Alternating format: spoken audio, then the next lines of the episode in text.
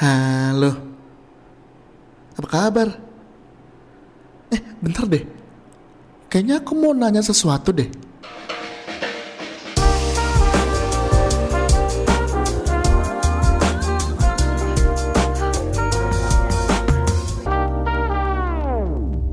Setelah akhir-akhir ini saya suka nonton acara pencarian bakat yang khususnya tentang penyanyi, saya jadi mikir, kenapa ya rata-rata eh, orang-orang yang suaranya bagus ini, yang suaranya ada karakternya, yang nyanyi dengan rasa, itu dari orang-orang yang nggak mampu.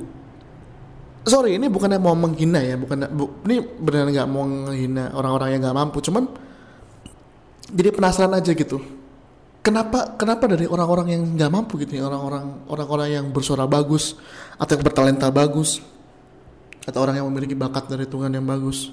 Mungkin itu emang salah satu kelebihan dari Tuhan yang diberikan buat orang-orang ini. Jadi kayak oke lah kamu miskin tapi saya berikan kamu sebuah bakat gitu yang bakat gitu.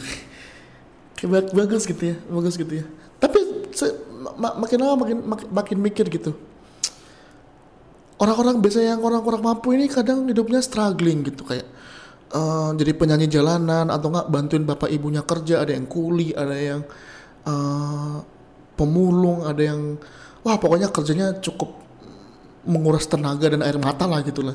Dibandingkan sama orang-orang yang uh, mempunyai background kehidupan yang lebih baik gitu dari orang kaya atau orang berkecukupan lah yang mana orang-orang orang-orang uh, kaya ini kalau misalkan punya hobi mereka akan latihan mereka akan improvisasi mereka akan mengasah kemampuannya di sekolah-sekolah musik uh, di studio musik mungkin atau jamming di cafe atau di tempat apa pun yang memungkinkan mereka untuk uh, jamming.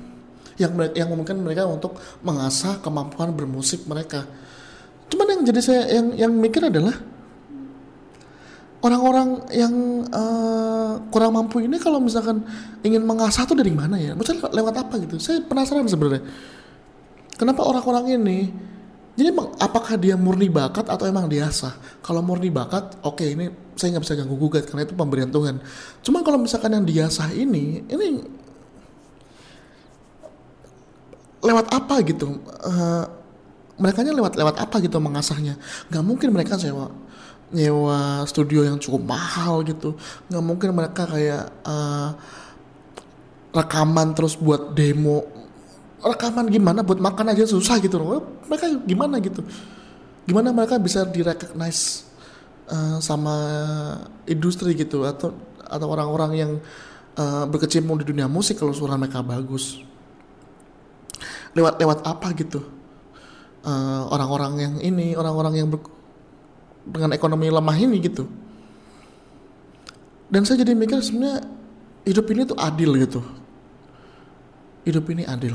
Bahwa uh, banyak orang-orang yang nggak mampu dari kalangan bawah bisa sukses dapat dapat uh, tempat di industri musik. Kayak Delon itu dulu bapak tukang becak kalau nggak salah. Eh Ferry Afi sorry Ferry Afi bapak tukang becak. Anaknya juara satu Afi Aris Idol pengamen sekarang. Nggak tahu ke mana ke mana itu orang Aris. Tapi ada juga yang suara bagus eh suara bagus yang dari keluarga kaya tapi suara jelek. Banyak